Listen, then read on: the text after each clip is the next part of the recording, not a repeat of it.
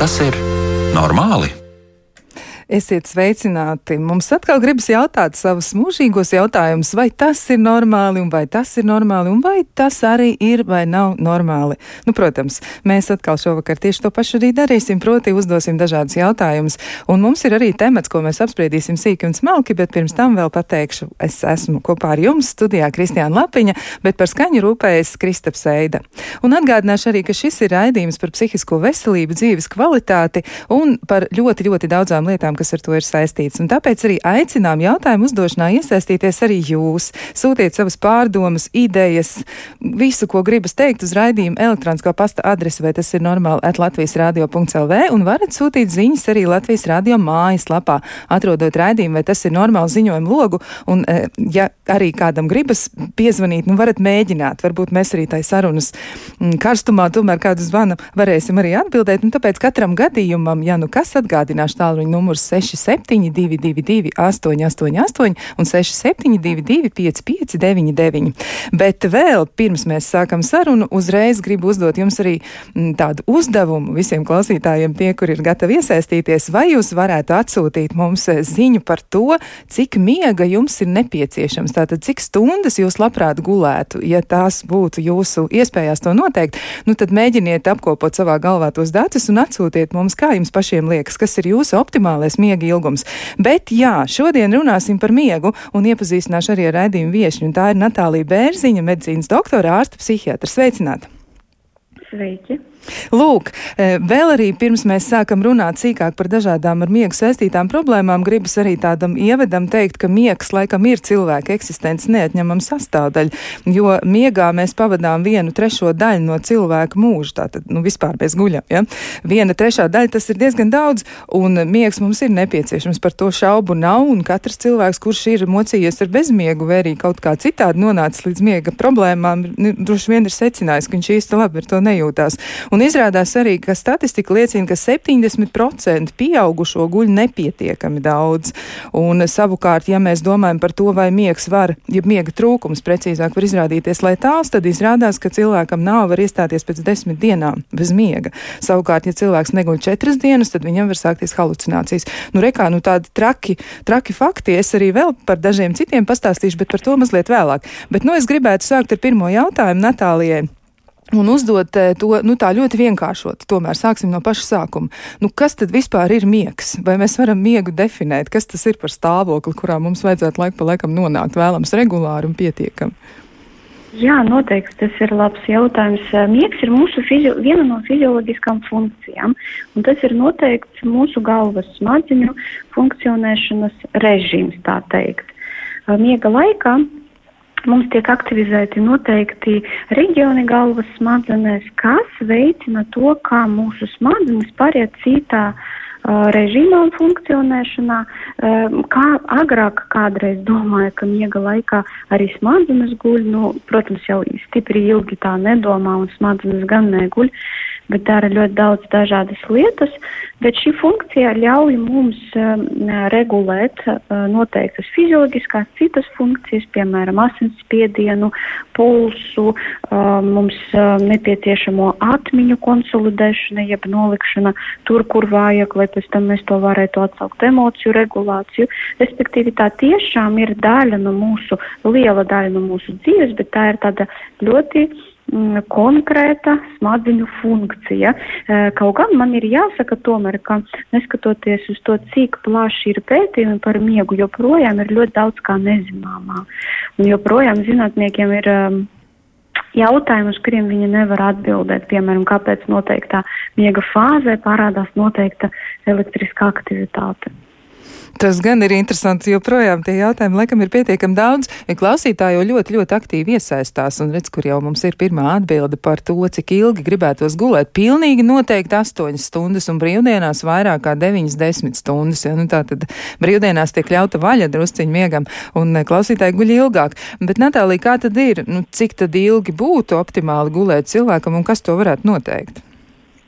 Jā, vidēji, kas ir zinātniski pamatots un arī medicīnas sabiedrībā, miega medicīnas sabiedrībā noteikti 7-9 stundas. Un tur gan mums ir variabilitāte. Vienam cilvēkam pilnīgi pietiek ar 7 stundām, citam vajag 9 stundas. Bet tas nenozīmē, ka obligāti mums visiem nu, jāguļ 9 stundas, jo, nu, kā mēs zinām, vairāk ir labāk. Nu, ne, tā īsti nav. Un svarīgi arī pieminēt, ka jebkurā gadījumā mums ir izņēmumi no likuma, tad ir cilvēki, kam uh, kādreiz pietiek arī uh, ar sešām stundām, vai turpretī cilvēki, kuri guļ desmit stundas un tikai tad var izgulēties. Nu, ja mēs nerunājam par kaut kādu tādu mm, veselības traucējumu, kas ar to ir saistīts. Tāpēc, jā, vidēji 7-9 stundas, bet tur tāda svarīga piebilde, ka tam laikam, cik mēs guļam, būtu jābūt vienādam katrā nedēļas dienā. Tātad tam nevajadzētu atšķirties. Tad eh, tādā gadījumā uzreiz nedaudz pasteidzoties uz priekšu, vai varētu tā būt, ka, piemēram, maiņu darbs, un mēs, nu, laikam arī abas zinām, kā tas ir strādāt maiņu darbu, tātad diennakti būt dežūrā, tas ir ļoti sarežģīti man šķiet noturēties, nu, tā pie tādas, nu, varbūt pat teikt skaidrs apziņas. Ko jūs teiktu par to maiņu darbs, un ne jau tikai medicīnā, bet arī citās jomās? Vai tas varētu būt arī draudsmiegam? Noteikti maiņu darbs ir viens no riska faktoriem bezmiega attīstībai vēlāk dzīvē, un arī gadiem rītot uz priekšu, ka arī maiņu darbs, ja piemēram tomēr mēs paņemsim medicīnas darbinieku un pētījumā ar medicīnas māsām, maiņu darbs un bezmiegs ar to asociēts bija saistīti ar noteiktiem nopietniem veselības traucējumiem ilgtermiņā. Un tātad cilvēki, kuri strādā maiņu darbu, nu labi, 5, 10, nu 15 gadus viņi var noturēties, guļ pēc eh, maiņas, eh, mēģina pielāgoties, bet beigu beigās eh, var novērot, kā šīs miega režīms sabojājās un ir grūtāk aizmigt vai grūtāk dabūt tās stundas regulārāk vēlāk.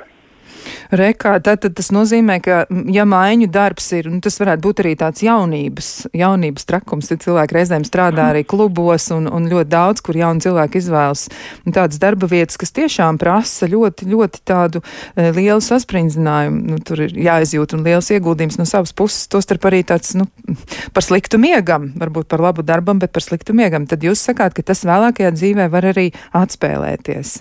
Ja? Noteikti, noteikti. Jā, tādi arī ir literatūras dati. Protams, katram cilvēkam ir individuāls kompensāciju mehānismu kopums. Ja? Un, ir, protams, cilvēki, kam neskatoties, lai ko viņš arī dara, nekas nebūs. Bet, nu, protams, atkal ir jāsaprot, ka tie drīzāk ir tādi izņēmumi. Rekā, es arī atradu tādu faktu, ka 17 stundas nomodā rada pazemināts darba izpildes spējas, un tas ir salīdzināms un līdzvērtīgi ar 0,05 promilēm alkohola asinīs. Tas nozīmē, ka, nu, tad laikam taču gan tālbraucēju šoferiem, gan arī citiem profesionāļiem, kuriem tur ir tie iespējamie miega deficīti, nu, viņiem ir jāievēro režīms. Tā tad nekā nedrīkst citādāk. Ir jāiet gulēt. Ja? Noteikti, noteikti, un tas arī ir saistīts ar maiņām. Piemēram, pēc maiņas uh, rekomendē, nu, vai nu, ja tāda iespēja ir kaut kur nosnausties, vai, nu, lai kā arī tas neskanētu, bet maiņas laikā nosnausties, ja tas ir iespējams. Uh, un arī pēc tam to miegu atgūt nākamajā dienā pirms uh, kaut kur brauc un ar autovadītājiem, protams, vispār ir ļoti nopietni, un uh, tāpēc arī ir uh, regulācijas uh, par to, cik viņi stundas var uh, būt pie stūres, un tur ļoti svarīgi ir, kā, nu, es nezinu, vai varbūt es skrienu uz priekšu, bet uh, man ļoti iekrita atmiņā tāds fakts, ka, ja nāk miegs pie stūres, vienīgais, kas var būt efektīvs, ir apstāties un 15 minūtes pagulēt. Viss, nekas cits ne nepalīdzēs ne vēdināšana, ne sārunas, jo ir mikro atslēgšanās, jā, un šīs mikro atslēgšanas ir tas, kas parasti rada draudus. Vai tas ir tas pats mikromiegs, kas tiek minēts literatūrā? Jā, ja? jā, jā, jā. jā. Mhm. Tad, tad cilvēks vienkārši var, var aizmigt pie stūras, un tā gan ne, nav jā. lāgā lieta. Jā, varbūt jūs varat arī raksturot, kādas vispār ir miega fāzes, jo cilvēki arī daudz interesējas par to, nu kā tad tur ir, viņiem arī ir zināms šis un tas, viņi ir diezgan daudz lasījuši, un jāsaka, mūsu klausītāji ir ļoti, ļoti izglītoti izglītot, bet varbūt jūs tomēr varat raksturot tās miega fāzes un arī varbūt tos miega traucējumus, kāda tad varētu būt saistībā ar šīm miega fāzēm, varbūt mazliet sīkāk. Mm -hmm.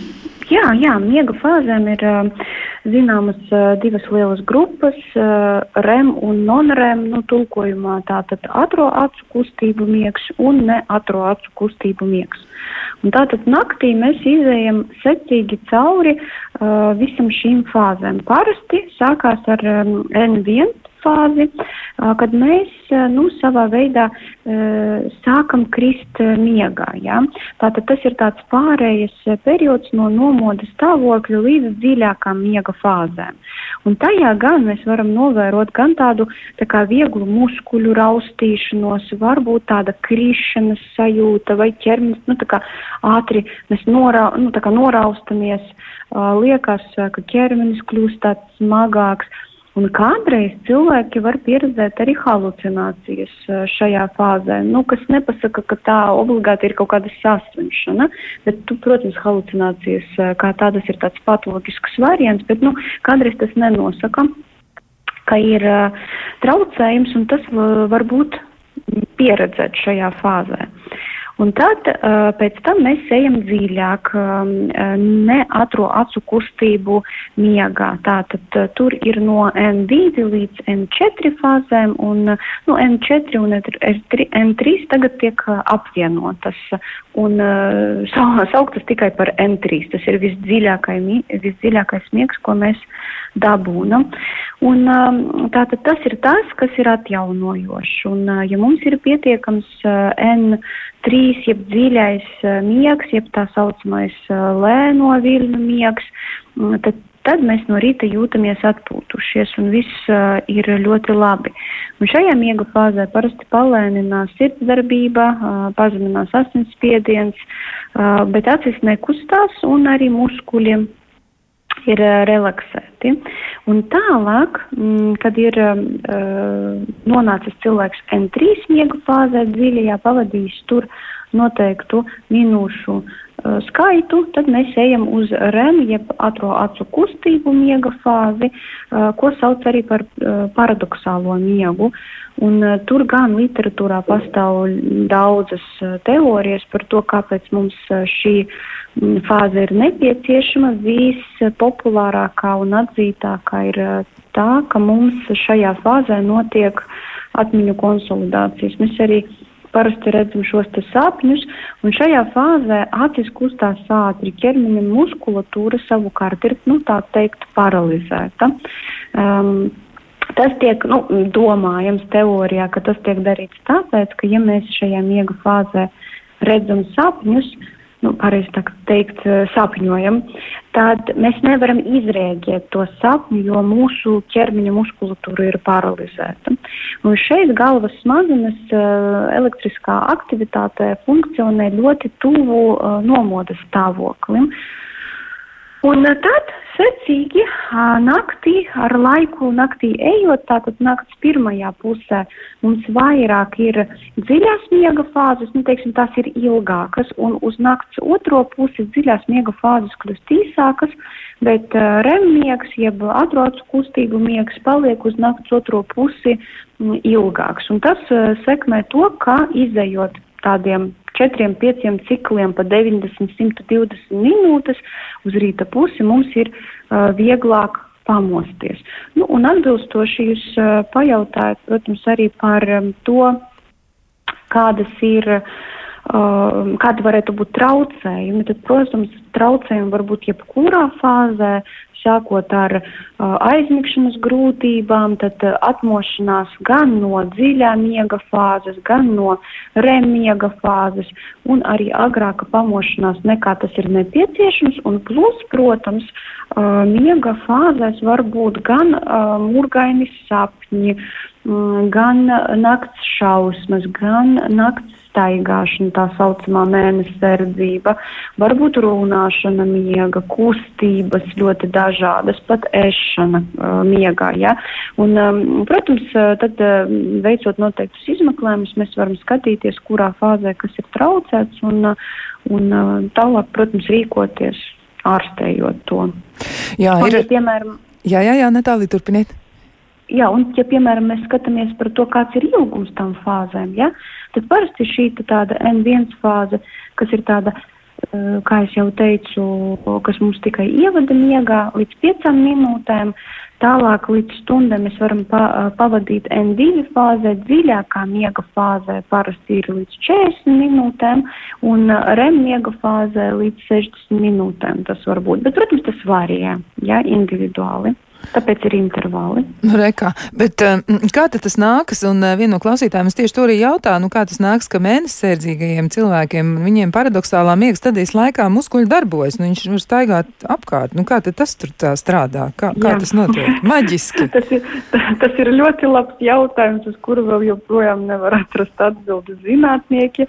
Noteikti ir skaidrs, ka maģijas tur nav, un agrāk, protams, ļoti daudz maģiskā domāšana tika pieslēgta šai problēmai, bet uh, tas tiek skaidrots uh, parasti, ka nervu impulsi galvas smadzenēs, kas uh, parasti tiek sūtīti muskulatūrai šajā miega, uh, miega fāzē, tie netiek um, sūtīti vai ir uh, traucējumi šo te impulsu sūtīšanā, un cilvēka muskulatūra netiek paralizēta, un tad viņš var veikt kustības noteiktas.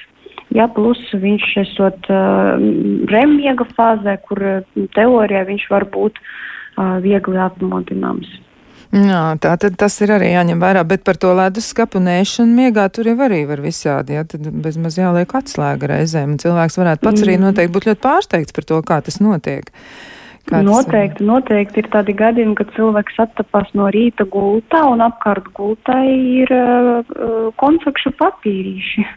Un cilvēks uh, nevar saprast, kas ir noticis. Un tikai pēc tam, uh, nu, mēģinot to analizēt, nonāk pie secinājuma, ka varbūt viņš kaut ko ir darījis miegā. Līdzīgi arī tie uh, tie gadījumi, kad cilvēks var paņemt automašīnu un atbra, aizbraukt kaut kur pat, nu, kādreiz ir nu, līdz pat tādam līmenim, ka kādreiz var arī fiziski agresīvs būt cilvēks šajā miega fāzē. Nu, tā tad ļoti daudz dažādu lietu ir jānoskaidro par to miegu, laikam, lai varētu saprast, kas tas īsti ir. Bet, nu, tad arī klausītāji grib saprast, kas notiek ar viņiem. Un viena no klausītājiem raksta, viņa saka, ka viņai vajag 7-8 stundas miega, bet viņai ir problēma. Vakarā pulkstens 22 ļoti nāk miegs, bet kā noliek galvas spilveni, tāpēc 3-5 minūtēm miegs pazūd. Kāpēc tā ir un ko varētu darīt, lai dabūtu atpakaļ miegu? Nu, kā varētu rīkoties šādā mm-hmm. situācijā? Jā, noteikti. Tas ir diezgan bieži sastopams. Pirmais, ko varētu darīt, ir papētīt, ko tad es daru pirms miega un kā es varu modificēt manu vidi, kurā es dzīvoju, lai tā veicinātu aizmigšanu. Jo, piemēram, nu, tie, kam ir bērni, tie zina, ka bērni arī jāmāc aizmigt jāiemāca aizmigt, un līdzīgi varbūt arī šajos gadījumos. Parasti šādas situācijas, kad cilvēks noliek galvu uz spilvena, pamostās pēc trim, piecām minūtēm vai nevar aizmigt, tad tas ir saistīts ar um, tieši tādu paaugstinātu aktivitātes uh, stāvokli smadzenēs, ko var ietekmēt gan stress, gan pārdomas, gan vīde, gan sāpes, gan poza. Tur var būt ļoti daudz dažādi faktori, un uh, pirmkārt ir jāiziet cauri tādam sarakstīņam, ko sauc miega higiēna, un jāpaskatās, nu, bez maz vai ar keksīšiem, kas man ir, ček, ček un tā tālāk kas tur ir vai kas tur nav. Un tālāk, ko šeit var darīt, nu, ja cilvēks uh, neaizmieg, piemēram, piecu minūšu laikā, tas ir ok. Aizmigšana var aizņemt līdz pusstundai normā. Jā? Ja tas ir ilgāk par pusstundu, tad bišku jāpiedomā pie tā, ko es tad daru tajā gultā. Un, un šajā gadījumā nu, noteikti vajadzētu mēģināt iet prom no gultas uz uh, citu istabu, padarīt kaut ko tādu mierīgāku. Uh, un atgriezties tad, kad jūtat to miegainību. Jo šajā gadījumā, ja cilvēks turpinās atrasties gultā un neaizmigt, tad ar laiku attīstīsies, nu, tā, tā teikt, nosacījuma refleks, kad es neasociēšu vairs gultu ar aizmigšanu. Nu, tas, protams, savukārt eh, pievelks arī trauksmainas domas, kas vēl vairāk attālinās aizmigšanu. Un ir tādi brīži, kad cilvēks pamostās pēc trim, piecām minūtēm Tad tajos gadījumos sanāk N1 fāze, ka cilvēks tiek izrauts, kas parasti ir tāda trauslā fāze, tad šeit varētu tiešām paskatīties par skaņām, par sāpēm, par ķermeņa pozīciju, paelpot diafragmāli vai veikt kādu relaksācijas vingrinājumu. Un pārasti īslaicīgi uh, tas ir un var pāriet. Protams, ja tas turpinās, nu, tad jāskatās, varbūt tur ir uh, jau jautājums par bezmiegu, bet nu, um, tad, tad nepieciešama plašāka informācija. Jā, bet par to miega higiēnu runājot, ko tur vēl varētu darīt? Jo ļoti daudziem cilvēkiem tiešām arī sevišķi pēc pandēmijas nu, tāda tā kā nu, tāda pārdzīvojama, visa kopīga, kas bija ļoti, ļoti grūts laiks, un joprojām, nu, tiešām daudziem cilvēkiem arī nāks pavadīt laiku mājās un attālināt, un tad tur ir kā ir, ja nu, reizēm arī nav pārāk daudz vietas, un nav guļamistaba, varbūt gluži mājas otrā galā, bet, nu, ir tieši tik, cik ir tās istabas, un visi tur ir kaut kā mēģinājuši izvietoties, un tad gulta kļuvusi ir par biroju vienlaikus, par vietu, kur mm, darīt vēl citas lietas, un ēst, un dzert, un lasīt, un, un, un daudz ko darīt. Nu, ko vajadzētu tad varbūt ievērot un kā to miega higiēnu varbūt varētu ieviest savā dzīvē? Nu, vismaz daži punkti, kas tur varētu būt vērā ņemami klausītājiem, ko mhm. būtu jāievēro. Mm -hmm. Noteikti, noteikti. Eh, es piekritīšu tam, ka eh, tomēr ir jābūt pielāgošanai konkrēta cilvēka vajadzībām. Jo, protams, ir universālas prasības, bet nu, dzīve un ikdiena ievieš korekcijas. Bet ņemot vērā tātad miega higienas ieteikumus, tad uh, svarīgi ir piedomāt pie tā, vai cilvēks var gulēt vai nevar gulēt pie dažādām skaņām. Un ja viņš nevar gulēt pie dažādām skaņām, tad varētu mēģināt uh, šīs skaņas eliminēt vai nu lietojot uh, auss aizbāžņus, vai nu piemēram nopērkot vai uzliekot kaut kādā sociālā Uh, sociālā tīklā vai kaut kādā aplikācijā, piemēram, balto troksni, kas varētu ar dažādām frekvencēm nomaskot tādas asākas frekvences skaņas, kas cilvēku pamodinās. Tad, protams, jāpiedomā pie temperatūras.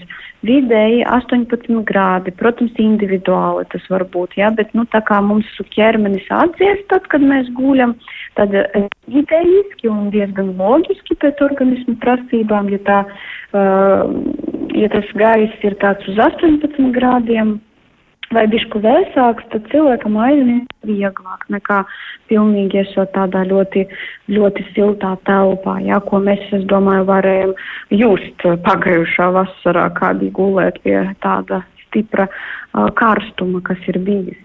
Un um, tad skatās arī gaismas, ja, kādu stundu, divas pirms plānota cilvēka gulēt tiešanas laika vajadzētu uh, noņemt uh, gadžetus no, tur ir gan gaisma, gan uh, informatīvā plūsma, kas ir jāierobežo noteikti vakarā.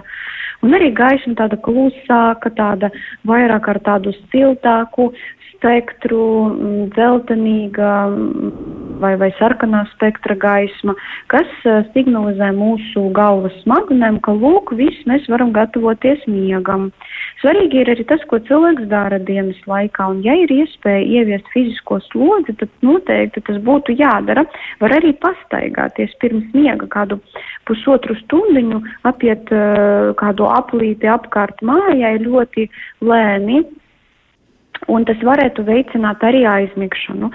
Nu, eh, kā es, es, kā es uh, iedvesmojos no kongresa, pasaules uh, miega kongresa, kas norisinājās pirms pāris nedēļām, tad tur gan tika uh, teikts, ka mums ir tiešām jāpielāgo visi, visi šie aspekti individuālām vajadzībām, un miega higiēna ir svarīga, un tā palīdz veicināt aizmigšanu, bet, protams, ja ir jau miega traucējumi, tad miega higiēna nebūs tā, kas ir, nu, tāda uh, mm, izšķirošā.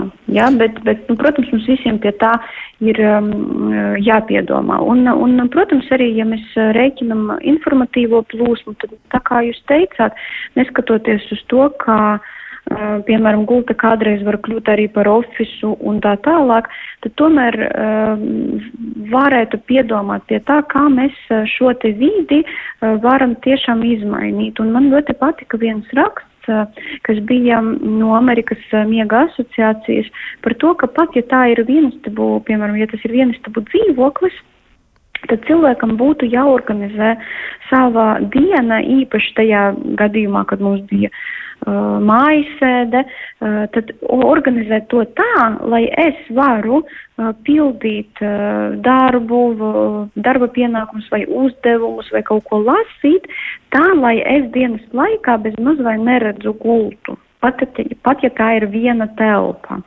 Nu, burtiski vai nu nolikt kaut kādu uh, tur skapīti vai vienkārši salikt galdu tā, lai es neskatos uz to gultu, jo tas arī smadzenēm varētu palīdzēt uh, tajā, ka mēs mazāk asociēsim. Jo, ja mēs paliekam gultā un tur lasām vai darbojamies, tad ar laiku šī asociācija tiek paplašināta un gulta vairs netiek uh, specifiski un ekskluzīvi asociēta tikai ar miegu, bet arī ar lasīšanu, bet tas neiet kopā ar aizmigšanu pareizi.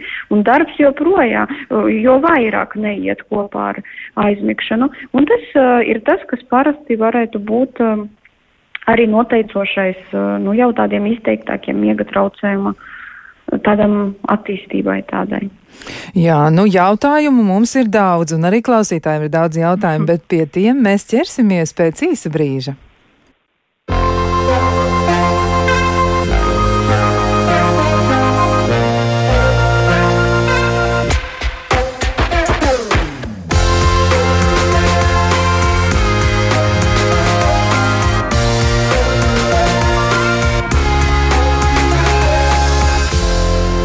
Tas ir normāli?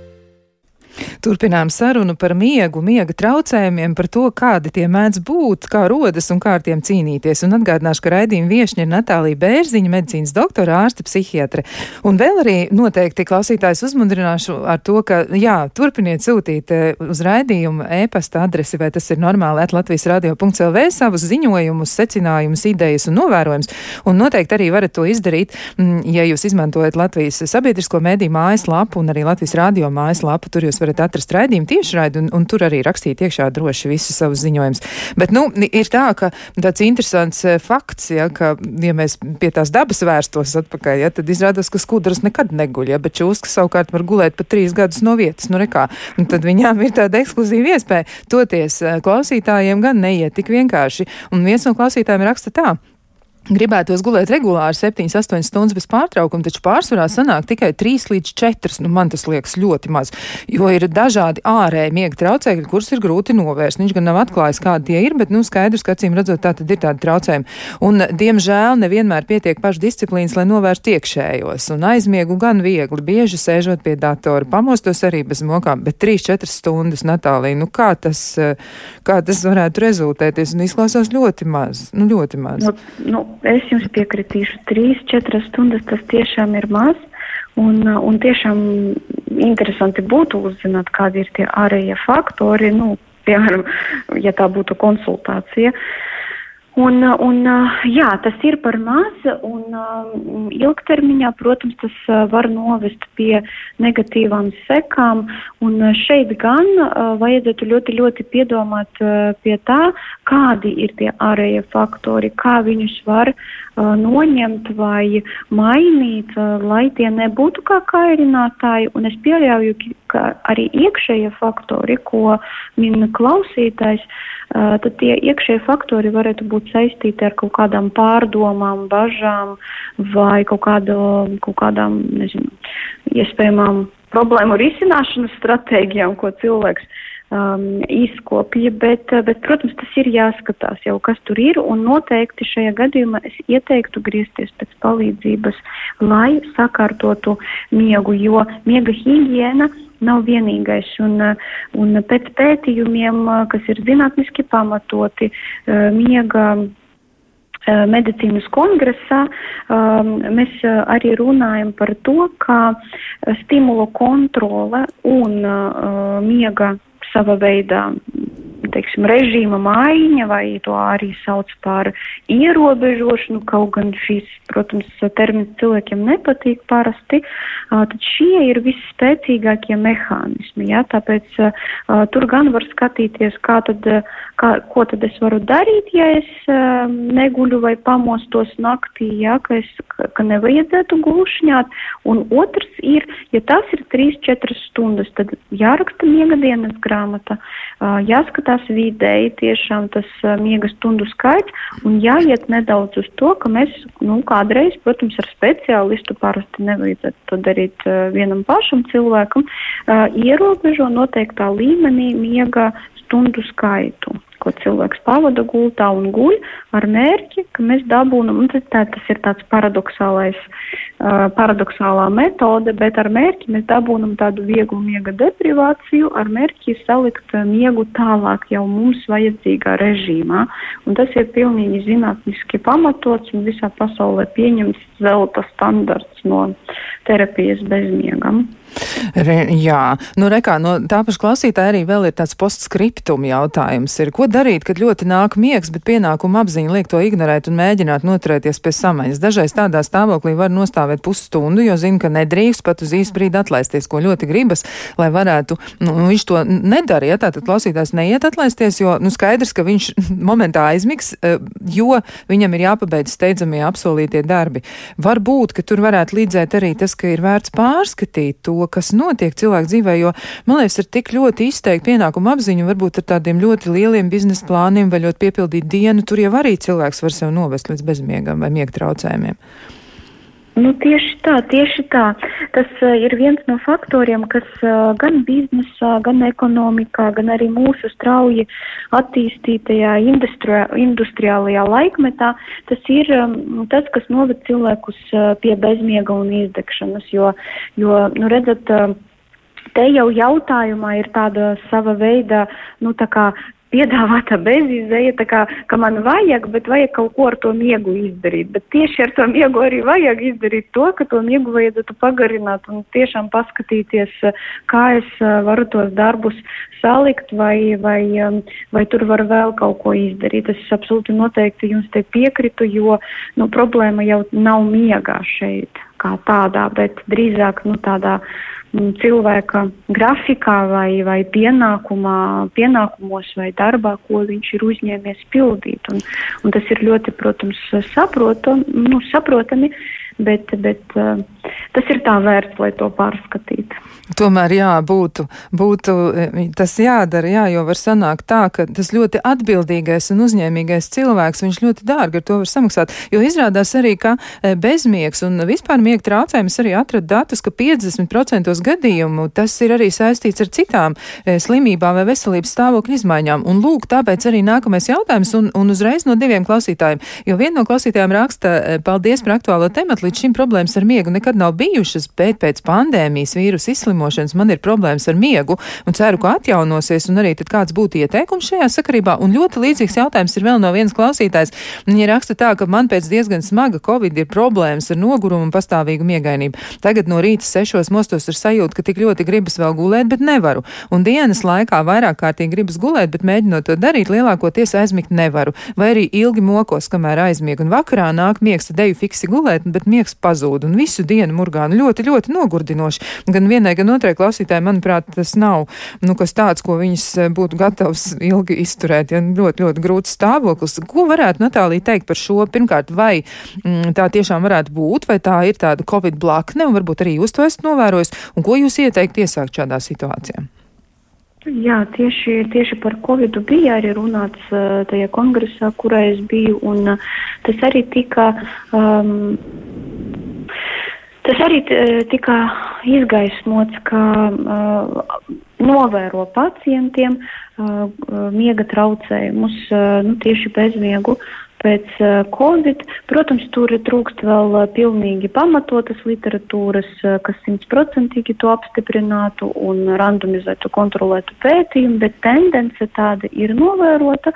Tur gan var spēlēt lomu vairāki faktori, gan infekcija pati par sevi, gan atlapšanas periods ar tādu astenizāciju, jeb tādu nogurumu, ko cilvēks izjūt pēc jebkuras infekcijas saslimšanas, jo organisma spēki tiek patērēti, gan arī tāpēc, ka tas ievieš korekcijas režīmā, un šis režīms tiek tā jaukts, un cilvēkiem, kas uh, iekšēji var būt jūtīgāki, nu, piemēram, ģenētiski um, pret um, kādiem miega traucējumiem vai miega sistēmas darbības traucējumiem vai miegu veicinošās sistēmas. Tātad tur var to tiešām novērot un parasti rekomendācijas pirms vēl nav bezmiegs kā tāds ir diezgan vispārējas, ko var arī atrast un par ko mēs arī šeit runājam. Vislabākais ir mēģināt pieturēties pie režīma tomēr, ja, paņemt vismaz tās septiņas stundas un nolikt sev katru nakti vienu, katru vakaru vienu gulētiešanas laiku un vienu celšanās laiku. Un, lai tas būtu stabili, tas palīdzēs smadzenēm pakārtoties pie tā režīma dienas laikā vairāk sāpes saules gaismas. Ne obligāti, nu, kā kādreiz cilvēkiem rodas tāda pretestība, ja viņiem saka, ka, nu, ja es esmu noguris, un uh, tad kā es varu, piemēram, tur iet fiziski aktīvs būt, ja, kaut gan, nu, tāda fiziska aktivitāte varētu palīdzēt, bet šeit vismaz mie, uh, vis, vismaz uh, gā, saules gaisma. Nav tur jāskrien kaut kur vai, vai tur um, spēcīga fiziskā slodze uh, jādara. Ja, vairāk saules, ja, ja ir tāda iespēja, kas dod signālu galvas smadzenēm. Un līdzīgi ar pamošanos no rīta, eh, nu, principā šādas te uh, atlieku parādības, uh, ja tas tomēr bija uh, atlieku parādības no Covid, parasti pāriet. Um, tam vajag laiku organismam atkopties, atgūt vitamīnus, ne, nervu sistēmai stabilizēties. Bet tad, piemēram, no rīta kamēr mēs, mēs gaidām to atlapšanu un stabilizāciju, tāda spilgtāka gaisma, kad jūs pamostaties, modinātājs, ko noliekat tālāk, lai jums fiziski ir nepieciešama pamosties. Protams, veselīgs uh, uzturs, uh, tāda fiziskā slodze, kas cilvēkam der, um, sarunas par to un, un tādas vispārējas rekomendācijas šeit varētu palīdzēt.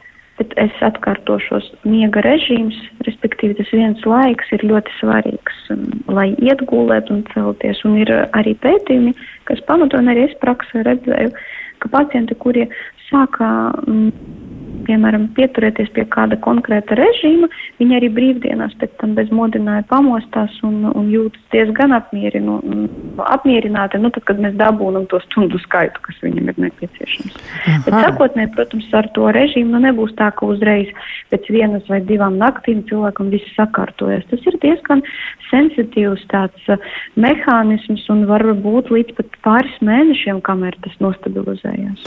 Jā, nu arī laikam traucē tā domāšana, ja cilvēks cilvēks satraucas par to, ka viņš nav gulējis, un viņš domā, nu tad es nākamajā naktī gan gulēšu, un nākamajā naktī atkal viņš neguļ, un tad viņš sāk jau iet pa to aburto loku, jo viņš satraucās vēl vairāk, un tad beig beigās viņš pats arī var padziļināt tos, tos miega traucējumus. Bet um, jautājums vēl no klausītājiem arī, kā tiek ietekmēt uh, vispār tas stāvoklis, un kā mūs ietekmē virsnieku garos hormonus vai kortizols šajā gadījumā ir minēts, ja, un to kopējo stāvokli, kā tas izmaina. Jo, piemēram, ja mēs zinām par no, fizisko aktivitāti, ir skaidrs, ka nu, stundu pusotru pirms gulēt tiešanas nevajadzētu ļoti ļoti, ļoti lielu aktivitāti, mm, nu, tā kā pie lielas aktivitātes ķerties, tur drīzāk varētu būt kaut kas rāmāks piemērots. Bet kā vispār tas ir? Kā tas ir ar kortizolu? Jā, tas, tas ir saistīts ar mūsu cirkadiāniem ritmiem, kad dienas laikā mums notiek hormonālās pārmaiņas, un kortizols, protams, tas ir aktivitātes hormons, stresa hormons, un tas galvas smadzenēs um, arī rada aktivitātes stāvokli. Un tad tas uh, dienas laikā nodrošina arī daļēji to, ka uh, smadzenes funkcionē aktivitāte. Tātad tiek nomākti miega centri un tiek veicināti nomoda centri, jeb to centru darbība. Un tad dabiski mums uz vakara pusi kortizola līmenis samazinās un melatonīna līmenis paaugstinās. Viņi ar viens ar otru konkurē. Un tad kortizols naktī, nu tā teikt, guļ. Uh, melatonīns neguļ darbojās un uh, signalizē galvas smadzenēm, ka mēs esam gatavi aizmigt, tad ieslēdzās arī citi mehānismi, un arī miega spiediens spēlē lomu, ja to, kuru mēs krājam dienas laikā, kāpēc tieši nu, ilgas stundas dienas laikā nevajadzētu gulēt, lai nenolaupītu sev šo miega krājumu uz vakaru. Un tad naktī um, um uz rīta pulsi kaut kur ap 4-5 no rīta atkal sāk sekretēties uh, kortizols, jo tas mūs gatavo aktivitātēm un uh, dienas, uh, dienas laiku nomodām. Nu, tieši tā tas, šīs sistēmas mainās cikliski, un, ja rodas uh, kādas pārmaiņas, tad tas var veicināt uh, grūtības ar miegu. Piemēram, ja mums ir kāds uh, hroniskāks stress, kas rada augstāku kortizola līmeni uh, asinīs uh, tādu ilgāku laika periodu, tad tas, uh, nu, teiksim, tā izsvārsta no līdzsvara šo sistēmu un uh, miega uh, veicināšanas hormonu nevar veiksmīgi darboties, un kortizols tam traucē. Tieši tāpēc raizes, trauksme, um, domas par to, ka man ir jāpabeidz vēl desmit projekti šovakar, vai, piemēram, kas būs, vai kas bija, vai ko es darīšu. Un, un šīs domas uh, ir saistītas ar to, ka aktivējās uh, mūsu uh, hormonālā sistēma, virsnieru, uh, hipofīzes hipotalāma virsnieres as, un tiek producēts kortizols un adrenalīns, un tas mums neļauj aizmigt. Jā, tāpēc, protams, tur ir tāda tieša un netieša saistība, kas, kas tiek ļoti plaši pieminēta arī literatūrā. Jā, nu vēl arī klausītāji jautā, vai tas ir normāli tieši ar mūsu iecienīto jautājumu, vai tas ir normāli, un viņi jautā, es nevaru tā vienkārši apgūties un aizmigt, man tieši otrādi aizmigt palīdz televīzija, ziņu lasīšana telefonā, un vai tas ir normāli? Nu, ja klausītājai tas strādā, un ja viņi aizmieg, vai tas varētu būt pieņemami? Nu, ka tā, nu, tā, tā ir. Viņa saka, viņai, nu, tā teikt. viņai darbojās. Tā teikt, um, šeit ir tāds, um, nu, tāda piebildīta, ka, protams, uh, ja mēs skatāmies teorijā, zinātniski, tad uh, gadžeti, informācija un televizors tātad informācija plūsma neļauj mūsu galvas smadzenēm atslābināties, un gadžeti, ja nav pārslēgti uz nakts režīmu, tad producē zilo gaismu, kas neļauj izstrādāties melatonīnam. No otras puses, ja mums ir kaut kāds rituāls, kas mums ir saistīts ar aizmigšanu, tad mēs to turpināsim. Un visdrīzāk tas varēja būt daļā gadījumu, es nesaku konkrēti šeit, ka tas ir tāds sava veida ieradums, ka cilvēks ir pieradis, ka noteiktu uh, reižu skaitu viņš ir aizmizis pie uh, televizora, Un tad tas jau viņam strādā. Bet nu, teorijā tas, protams, ir citādi. Ja cilvēkam nav miega traucējumi, viņam nav bezmiegs, uh, Nu, principā viņš var darīt, ko viņš um, uzskata par vajadzīgo. Un tad, kad būs bezmiegs vai ja būs bezmiegs, tad varēs uh, šo faktoru uh, mainīt. Ja? Protams, tas uh, tik strikti tādā ziņā nav, bet nu, kā speciālists un ārsts es uh, tomēr rekomendētu mēģināt pārskatīt. Varbūt ir kādi citi rituāli, kas arī varētu būt pēc tam saistīti ar aizmigšanu labāku. Jā, ļoti interesants lietas.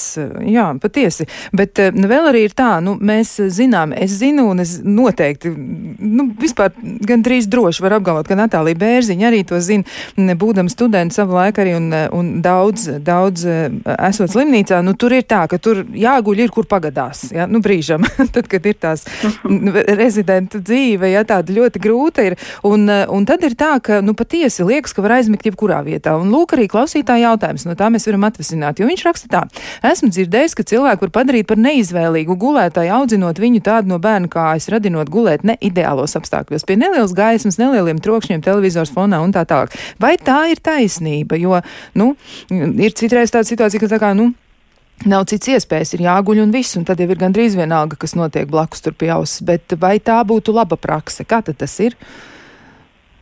Pieradināt. No puses, nu, no vienas puses tas varētu Uh, palīdzēt tad, kad ir mainīgi dzīves apstākļi cilvēkam gulēt, nu, ka viņam, teiksim, tāds kairinājuma slieksnis ir mazāks.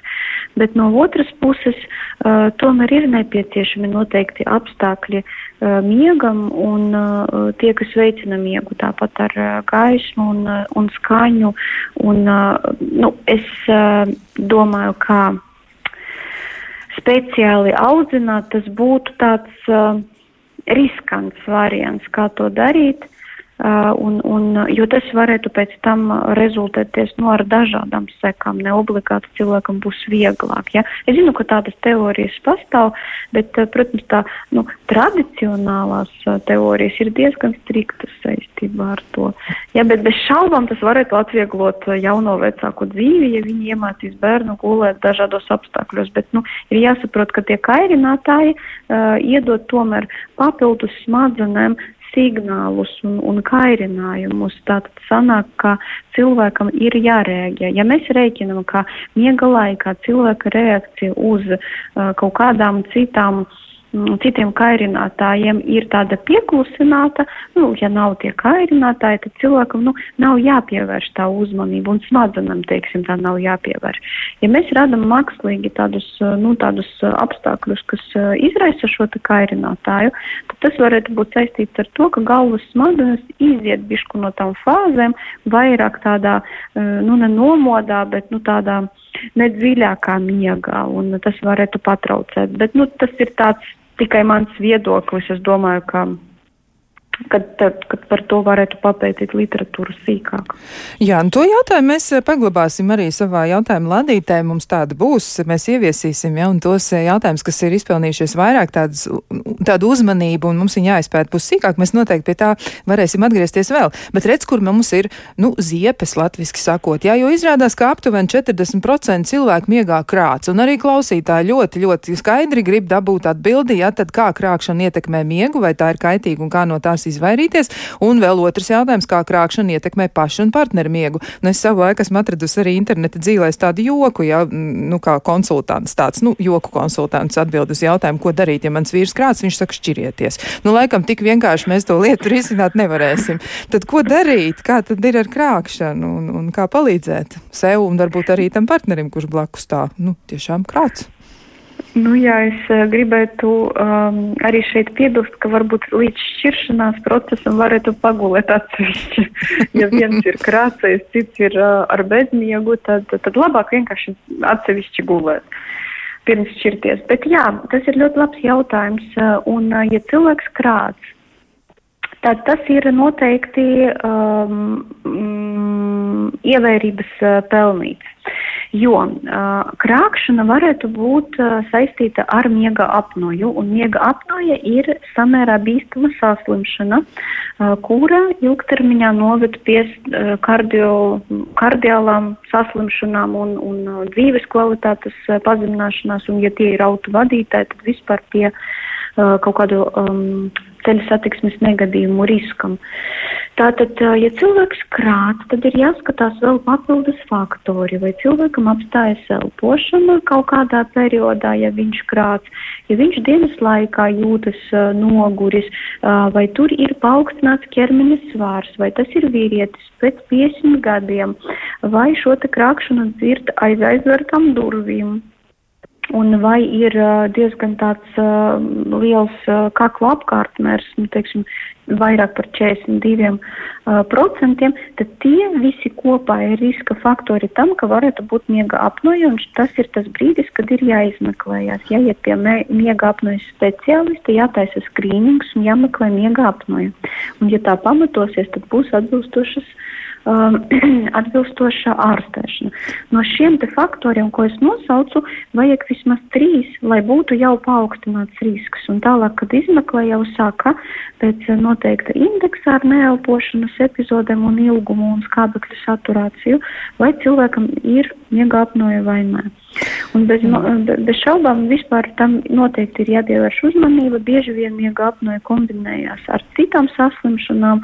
Tur var būt klāt bezmiegs, Krākšana, nu, man ir jāsaka, ka krākšana varbūt arī ne tikai miega apnoja, varbūt kaut kas ar deguna starp sienu, ar mandelēm, ar gulēšanu, ar tādu, nu, biezāko audu slāni kaklā, jā, nu, tie faktori ir daudz, tāpēc, ja ir krākšana, ja cilvēkam tas traucē, ja gultas partnerim tas traucē, būtu jāmēģina motivēt cilvēks aiziet paskatīties, kā var palīdzēt, jo palīdzība ir iespējama. Tā tad noteikti tas nebūs tāpat vien, būs jāmēģina to izpētīt. Nu, tagad ir tā, ka laika palicis ļoti maz, ja nu būs kāda atbilde, tad burtiski divos vārdos, bet mm, vēl arī klausītājs saka, ka uh, ir miegs uzlabojies, kad novērš D vitamīnu trūkumu iespējams sagadīšanās un ne visiem palīdzēs, taču var pievērst uzmanību. Un vēl arī no viena no mūsu gan kolēģiem, gan ekspertiem, gan arī klausītājiem no valdes virska ir tāda piezīme, jāpiezīmē, ka ļoti liela loma miega kvalitātes veicināšanai ir uz neilgu laiku, 10 līdz 15 minūtes meditācijas un relaksācijas vingrinājumu ieviešanai ikdienas ritmā, jo īpaši vakarpusē. Ilgstoša pieredze vadot meditācijas nodarbībās parādījusi, ka lielai daļai to dalībnieku miega kvalitāte būtiski uzlabojās, un daudziem samazinājās arī nepieciešamā miega ilgums. Tie jutās izgulējušies, guļot īsāku laiku. Nu, jā, izskatās arī, ka cilvēki pārstāja lietot miega zāles, jo spēja iemigt bez tām. Nu, tad var teikt tā, ka pilnīgi svarīgi ievērot to, ka regularitāte darbā ar miegu un atpūtas kvalitātes veicināšana ir būtiski augstāka. E, nu, nu, tā kā ir būtiska nekā augstāk minēto vingrinājumu ilgums. Ja? Tā, tad, nu, tas vispār ir ļoti, ļoti svarīgi, tā regularitāte. Man patiesi ir nu, laika deficīts, saku, kā ir. Un uh, tie jautājumi, kur vēl mums ir palikuši neatbildēti par negulēšanu vispār, vai par sapņu neredzēšanu, vai arī par miega problēmām, kas varētu būt iedzimts vai nē, noteikti, noteikti mm, atstāsim šos, te, nu, šos jautājumus uz kādu citu reizi un izmantosim noteikti vēl Natālijas Bērziņas eh, klātbūtni. Es eh, ceru, ka Natālija piekritīs, jo patiesi jautājumi ir ļoti, ļoti daudz, un uz tiem arī klausītāji varētu gaidīt atbildes. Bet eh, vēl gribu pateikt arī, ka Izrādās, ir noskaidrots, ka cilvēkiem, kuri ir atmetuši smēķēšanu, sapņi ir spilgtāki nekā tiem cilvēkiem, kur turpina smēķēt. Un šiem cilvēkiem sapņi ir pat spilgtāki nekā tiem cilvēkiem, kuri nekad nav smēķējuši. Nu, ko? Nu, tad ļoti labs iemesls arī pārtraukt smēķēšanu. Nu, šajā brīdī teikšu paldies Natālijai Bērziņai, ārstē psihiatrē, medicīnas doktorei un klausītājiem apsolu, ka mēs noteikti pie sarunas par miegu atgriezīsimies. Pilnīgi noteikti. Un šajā brīdī saku rīts gudrāks par vakaru un tiksimies kādā citā reizē. Ar labu nakti!